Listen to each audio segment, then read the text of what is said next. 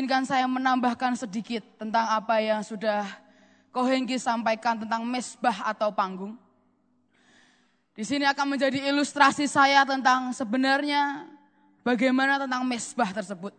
Tapi hari ini saya ingin mengambil sudut yang lain tentang mesbah atau panggung. Saya hanya buka satu ayat di Mazmur 43 ayat yang 4 sampai ayat yang kelima. Mazmur 43 ayat yang keempat sampai ayat yang kelima. Mazmur 43 ayat yang keempat sampai ayat yang kelima.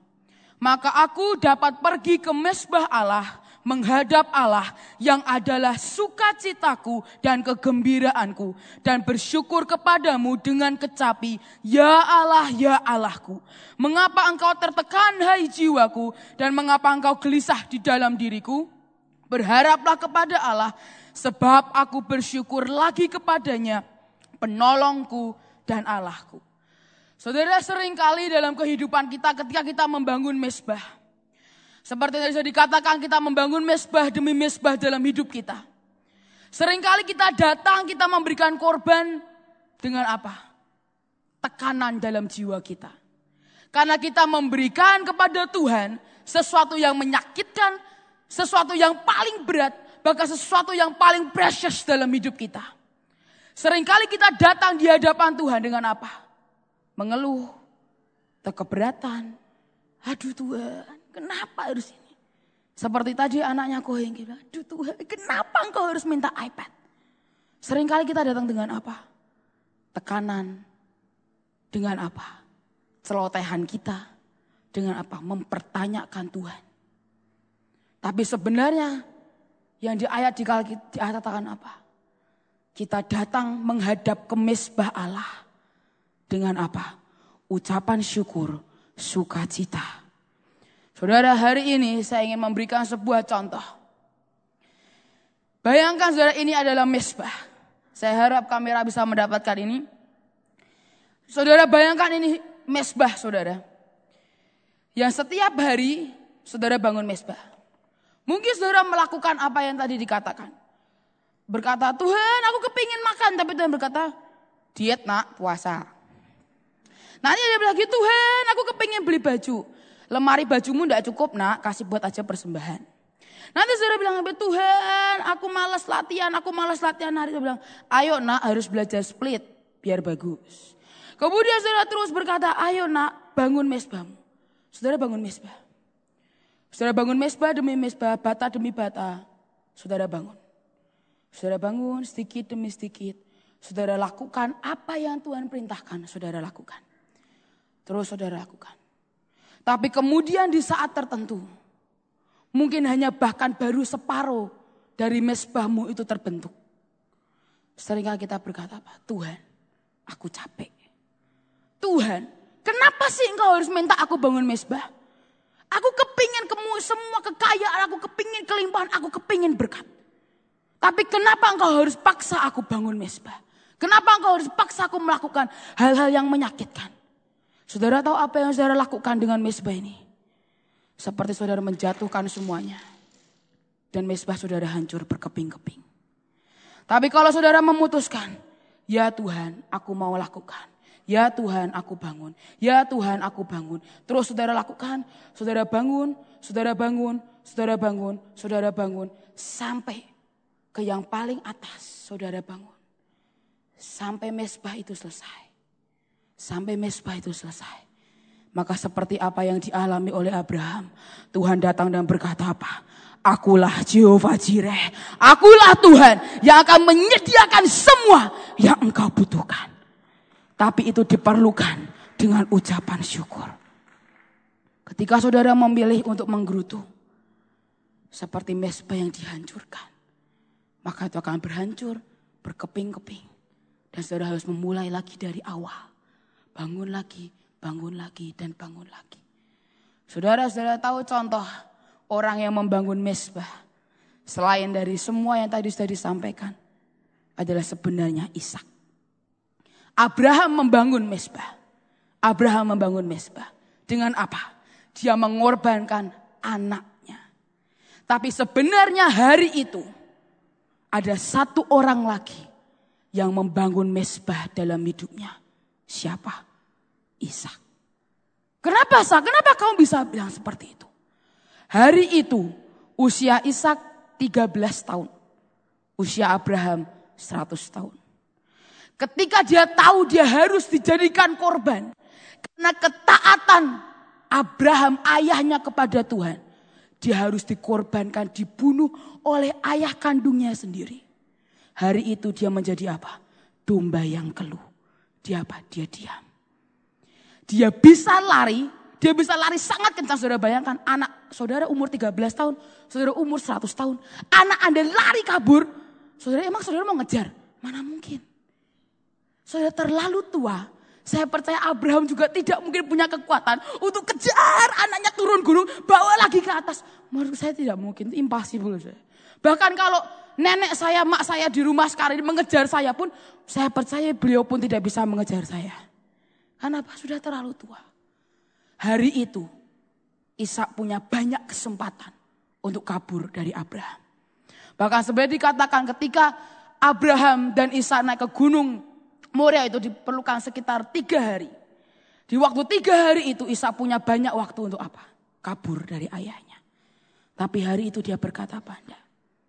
Dia hanya diam dan dia membiarkan ayahnya mengikat dia di atas mesbah. Saudara, sebenarnya kalau di hari-hari ini saya mengerti perasaan Ishak. Kenapa? Sebenarnya perasaan itulah yang dirasakan oleh kebanyakan anak pendeta. Saudara mau tahu anak pendeta bukan hanya sekedar enak-enak semua kenal hai shalom saudara saya pernah merasakan karena iman ketaatan ayah saya kepada Tuhan sering kali saya apa? Saya mengorbankan banyak. Saudara saya pernah masuk ke mall. Saya gak tahan cuma setengah jam. Saya keluar lagi. Saudara tahu kenapa? Saya masuk. Saudara kan ada orang lihat, lihat atas, lihat bawah. Lihat atas lagi, lihat bawah lagi. Saya gak tahan saudara. Saya keluar dari mall. Dan saya pernah bertahun-tahun tidak pernah masuk mall. Karena apa? Setiap kali masuk ke mall bukan kegeeran saudara. Kan itu benar-benar dari atas, dari bawah dari atas lagi, dari bawah lagi, dari atas lagi. Bawah. Kalau lagi makan dilihati benar sampai tajam, sampai keluar laser sudah rasanya. Itu saya rasakan bertahun-tahun. Saya tahu itu rasanya tidak enak. Teman saya, ayo saya pergi ke mall. Aduh jangan ke mall. Lah kenapa banyak yang lihat. Kalau di sekolah ya, anak pendeta itu dituntut apa? Sempurna. Baca kitab tidak boleh bolong, saat itu tidak boleh bolong. Setiap kali keluar rumah harus berkata apa? Shalom. Ketemu orang shalom, ketemu orang shalom. Saya itu saudara, di sekolah usil banget. Saya mengakui, saya mengakui, saya jujur, saya ini bukan anak yang alim, diem. Mungkin hanya di gereja saja. Tapi sebenarnya kalau di sekolah, di luar dengan teman-teman, saya itu orang yang paling iseng, usil semua teman saya kerja. Sampai saudara, bertahun-tahun saya itu kalau di sekolah. Saya itu SD, saya itu SD sedikit mafia saudara. Saya pernah tarik leher teman laki saya. Saya, saya tabrakkan ke tembok. Dia, kamu berani ganggu teman saya. Saya, SD ini mafia saudara. Saya taruh saya teman laki saya nangis ketemu mau salah ampun saya ampun saya badan lebih gede saya dimasukkan ke satu ruang itu saya dikunci tahu guru saya bilang anak pendeta kelakuan kayak gitu. Aduh, aduh anak pendeta lagi diungkit-ungkit, anak pendeta lagi. Kemudian tidak berhenti hanya di SD, saya. di SMP, di SMA. Saya tuh suka usilin guru saya, saudara. Kalau guru saya lagi masuk ke toilet, saya tuh suka kunci dari luar, saya kabur. Nanti saya ngapain, saya tuh suka usil, nggak tahu kenapa saya tuh suka usil. Saya, saya, setiap kali saya ditegur, saya bilang, anak pendeta kok kayak gitu. Anak pendeta. Kamu tuh ya anak pendeta tuh harus shalom. Harus jadi berlaku firman gitu loh. Kamu kok malah ngusil gitu. Setiap tahun anak pendeta gitu. SMA saya mulai pinter kan. Begitu guru saya bilang, anak pendeta kok kayak gitu. Saya bilang, emang anak pendeta gak manusia? Manusia dong bisa salah. Begitu saya emosi, saya bilang. Guru saya diam mulai hari itu. Tidak pernah diungkit lagi tentang anak pendeta. Tapi sejujurnya saya, itu tekanan, itu tekanan. Dan, dan saya ini, saya adalah orang yang sering banyak konsultasi ke saya. Dia berkata, sah, aku ini anak pendeta. Saya bilang, aku ini anak pendeta. Dan dia berkata, aku hampir gila. Dia bilang, kenapa kamu hampir gila?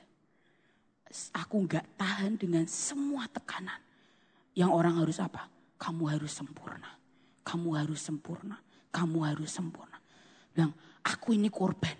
Korban dari siapa? Ayahku sendiri. Saya pikir saudara, itu cuma sekali. Saya pernah ketemu hampir sepuluh dari mereka. Dan kebanyakan saya kepahitan. Karena apa? Ayah saya, ibu saya tidak punya waktu luang untuk saya. Ayah saya, ibu saya tidak punya waktu luang untuk pergi dengan saya. Karena apa? Mereka sibuk dengan pelayanan. Mereka sibuk dengan semua aktivitas gereja.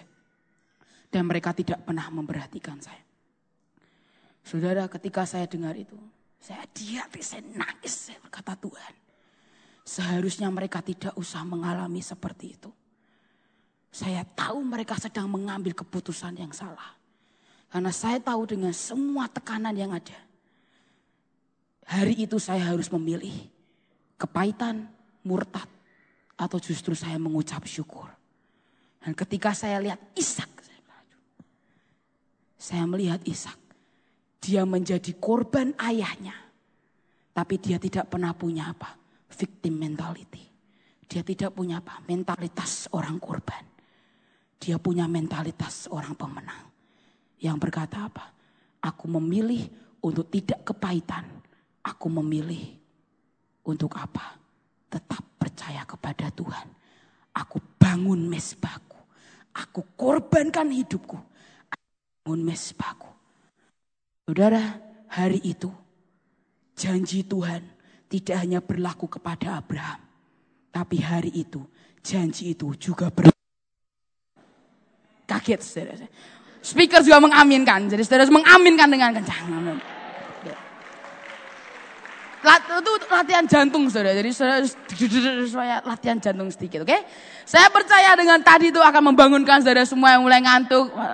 Saudara kita masih akan terima berkat yang sangat banyak. Amin. Amin. Oke. Okay. Semoga itu tidak terjadi lagi ya. Amin. Mari kita lanjutkan. Okay. Saya melihat sebuah, saya melihat, tapi Tuhan bilang, terlalu banyak orang yang apa sih? Victim mentality. Yang terus apa? Eh, Aku kasihan kan. Aku kasihan kan. Kasihannya aku toh. Ya kan aku kasihan kan ya. Bener kan? Gara-gara papaku suka pelayan aku jadi ditinggal. Kasihan kan aku. Sering kali orang berkata apa? Orang lain salah. Aku ini korban. Bahkan sering kali anak pendeta berkata apa? Papaku yang salah. Aku ini korban. Saudara itu victim mentality. Tapi kalau saudara mau punya mentalitas seorang pemenang. Mentalitas seseorang yang berkata apa? Aku ini bukan korban. Aku sedang membangun mesbah. Engkau akan berkata apa? No. Aku bukan korban. Tapi aku sedang membangun mesbah. Yang akan terus membuat apiku tidak akan pernah padam. Tapi akan terus menyala, menyala, menyala, menyala. Dan membakar setiap orang yang saya temui. Dan hari itu janji Tuhan tidak hanya berlaku. Hanya kepada Abraham. Tapi juga berlaku kepada Ishak. Kalau mungkin saudara punya orang tua yang juga sibuk pelayanan. Saudara, janji Tuhan kepada ayahmu juga saudara akan terima. Janji Tuhan kepada semua di atas saudara, saudara juga akan menerima. Karena saudara juga membangun mesbah yang sama. Saudara-saudara, kalau saudara punya victim mentality, saudara akan penuh dengan gerutuan, Saudara akan terus melihat sisi negatif. Tapi saudara tidak akan pernah melihat sisi positif. Banyak bahkan banyak anak hamba Tuhan yang sangat besar. Ada satu seorang revivalist besar. Yang bahkan dia membuat mujizat kuman ditaruh di atas tangannya. Maka itu akan mati.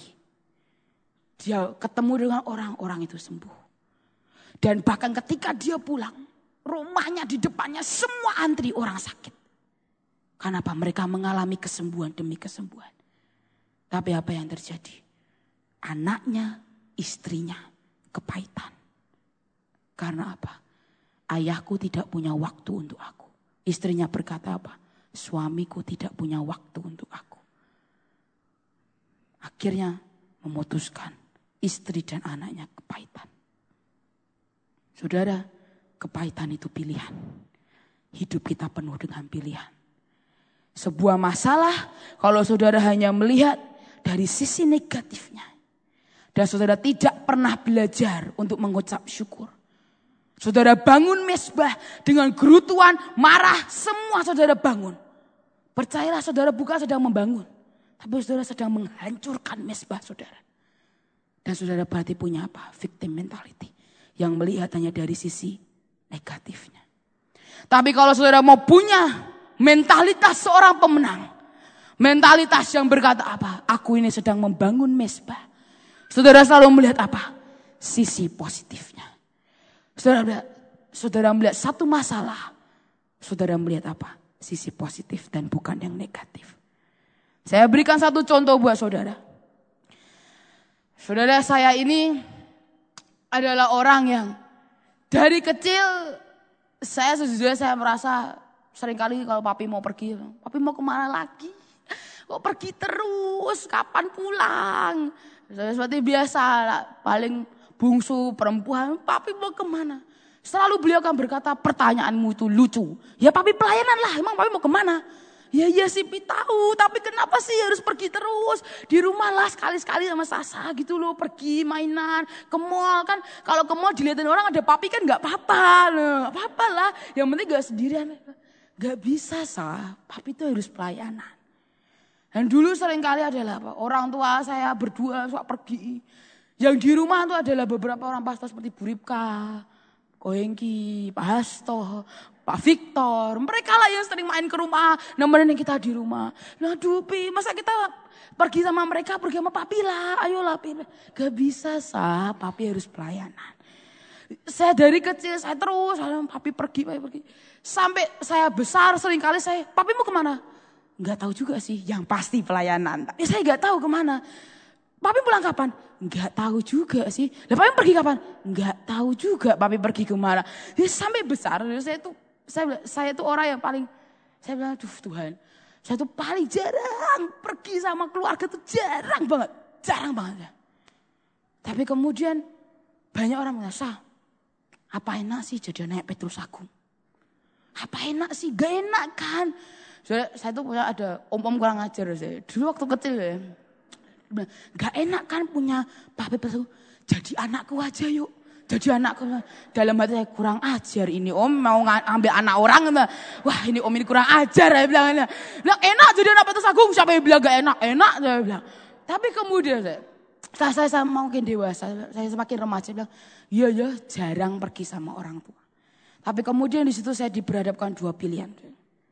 Saya milih mau, saya pilih mau kepahitan dengan orang tua saya berkata, duh Tuhan, kasihan kan aku ditinggal papi, tinggal mami, kasihan kan aku sendirian loh Tuhan, mainnya sendirian, pergi sendirian, kan kasihan Tuhan. Atau saya mau milih apa? Terima kasih Tuhan, terima kasih Tuhan. Dan hari itu saudara, saya mungkin masih sekitar umur 15. Hari saya bilang, saya tidak pernah menyesal menjadi anak Petrus aku. Saya berkata, ketika orang nyesal enggak? Kalau bahkan kalau Tuhan kasih saya kesempatan kedua untuk milih keluarga di mana saya dilahirkan. Saya tetap memilih di keluarga Petrus aku. Saudara tahu kenapa?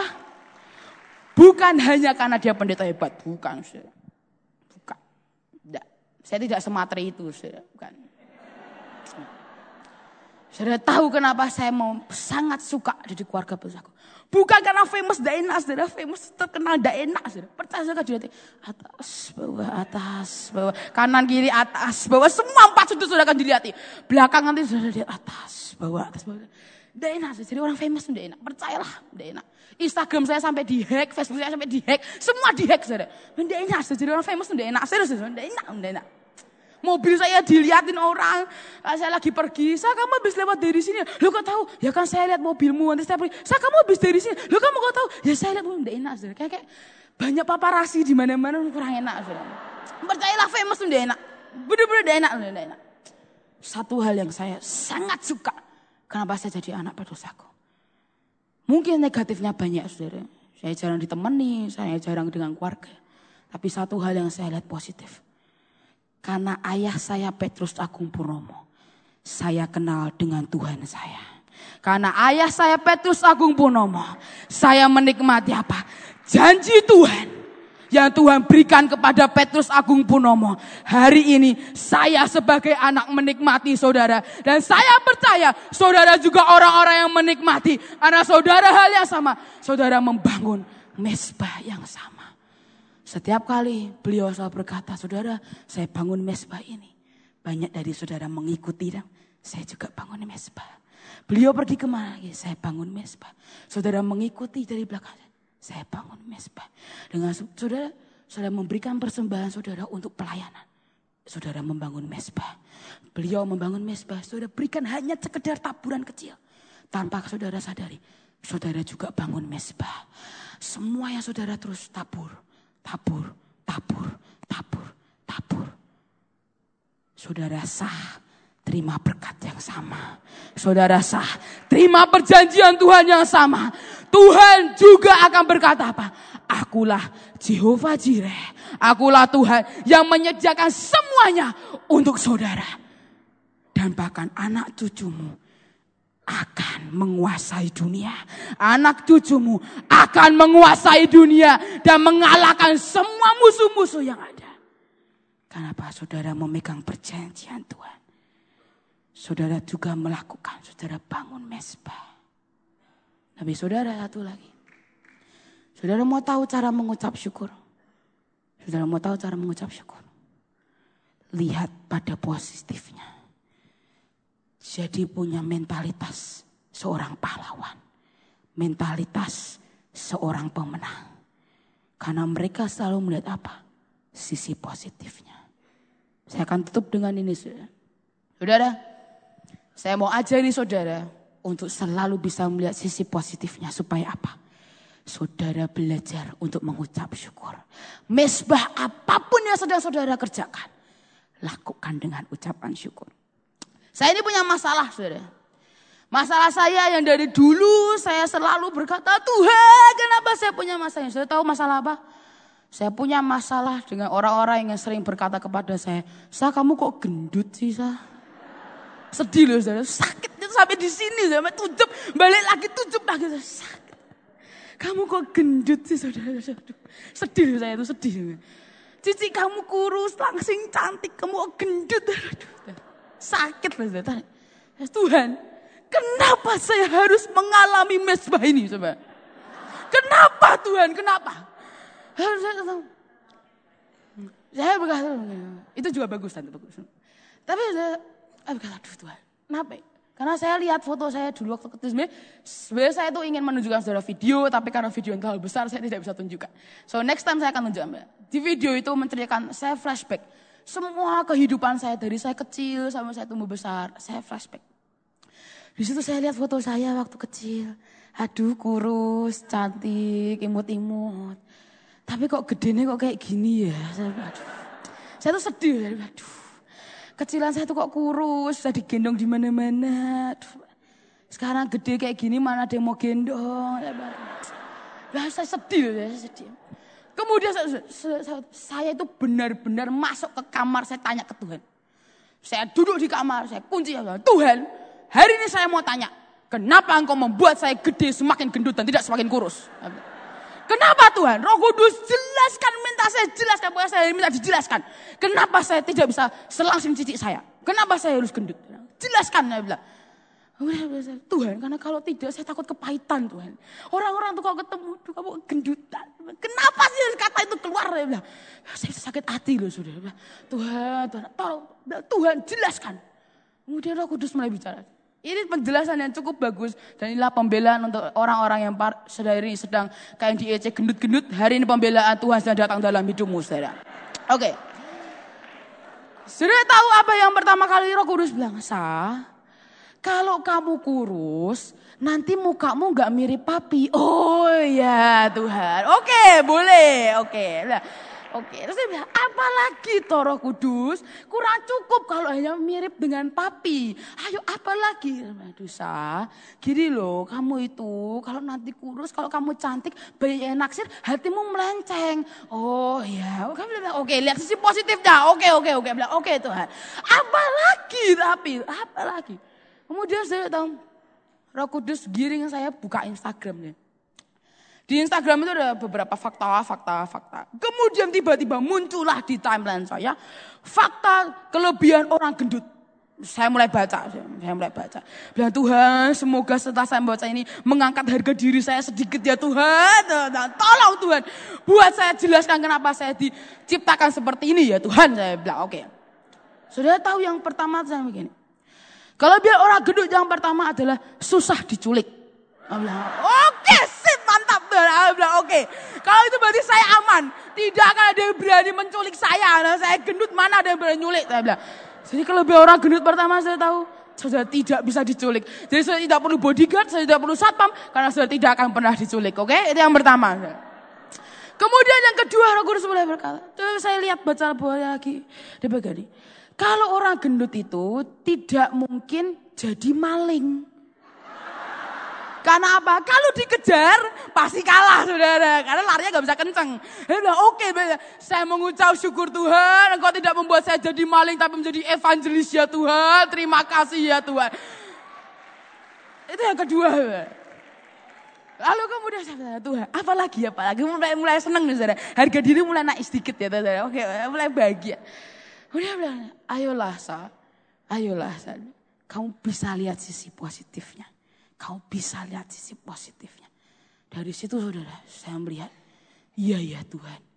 Dalam setiap masalah, selalu ada sisi positifnya. Setiap apa pun, mesbah apa pun, dalam hidupmu selalu ada sisi positifnya. Meskipun ada sisi negatifnya, tapi selalu ada sisi positifnya. Kemudian artikel itu berkata apa? Dia berkata, kalau orang gendut itu pahalanya besar di surga. Wah, kenapa ini? Wah, saya excited ini. Pahala saya besar ya. Bilang ini. Karena kalau orang gendut, saudara tahu kalau saudara dihina, kamu kok gendutan sih? Saudara punya pahala besar di surga. Kalau orang menghina engkau, jangan kita barang siapa menghina engkau, menghina penciptanya. Saudara sudah mau tahu, ada orang berani hina saya, engkau sedang menghina Tuhanku. Pahala saudara besar karena apa? Saudara direndahkan orang, kita berkata apa? Saudara akan ditinggikan Tuhan. Saudara akan ditinggikan Tuhan. Yang terakhir, yang terakhir, saya paling suka ini. Tahu orang gendut, ini ciptaan saya sih sudah. Kalau orang gendut, orang gendut, kalian punya favor Tuhan yang sangat besar. Karena apa? Tuhan suka lemak dan lemak ada di dalam kita. Maka Tuhan akan mencintai kita. Bukan hanya karena hati tapi apa? Lemak kita di dalam Tuhan. And fat belongs to the Lord. Maka sebenarnya kita punya favor Tuhan yang luar biasa. Jadi kalau ada yang berani hina saudara bilang, maaf saudara, maaf, maaf. Kamu tidak tahu orang seperti ini Tuhan mencintai saya. Saudara tahu apa lemak di dalam saya ini Tuhan mencintai yang ada dalam semua sel dalam hidup saya sampai selemak pun Tuhan mencintai saya. Saya tahu favor Tuhan akan turun dalam hidupmu dengan luar biasa. Tapi kemudian saya ingat satu lagi. Orang gendut itu tidak akan pernah merasakan sakit. Saya tahu kenapa. Kalau orangnya kurus, jatuh, brak, kubrak, kubrak, kubrak, kubrak. Kenapa? Tulang langsung lantai, sakit sudah, tulang lantai. Tapi kalau orang gendut apa? Kita punya benteng banyak, ya, ya. kita jatuh cuma buk, iya, ada karena sakit. Apa? Benteng kita banyak, proteksi Tuhan kita juga luar biasa. Saudara lihat selalu lihat yang positif, jangan lihat yang negatif. Apa pun masalahmu, apa pun mesbahmu, lihat yang positif. Karena hari ini Tuhan berkata, nak bangun mesbah dengan ucapan syukur dan bukan gerutuan. Dan ketika mesbah itu jadi, Tuhan akan berkata apa? Akulah Jehovah Jireh. Apa pun yang engkau butuhkan, aku akan menyediakan. Akulah Tuhan yang memegang perjanjian. Engkau tidak akan dibinasakan, tapi ada perjanjian pengangkatan dalam hidupmu. Anak saudara sedang membangun mesbah dengan ucapan syukur yang darimu. Ucapan syukur. Saudara belajar ucapkan syukur. Apa pun masalahmu, ucapkan syukur. Seberat apa pun mesbah saudara lakukan, bangun dengan ucapan syukur.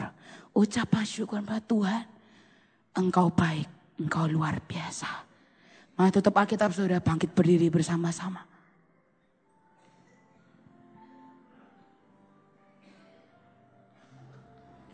Ya Tuhan, ya Tuhan, ya Tuhan Yesus.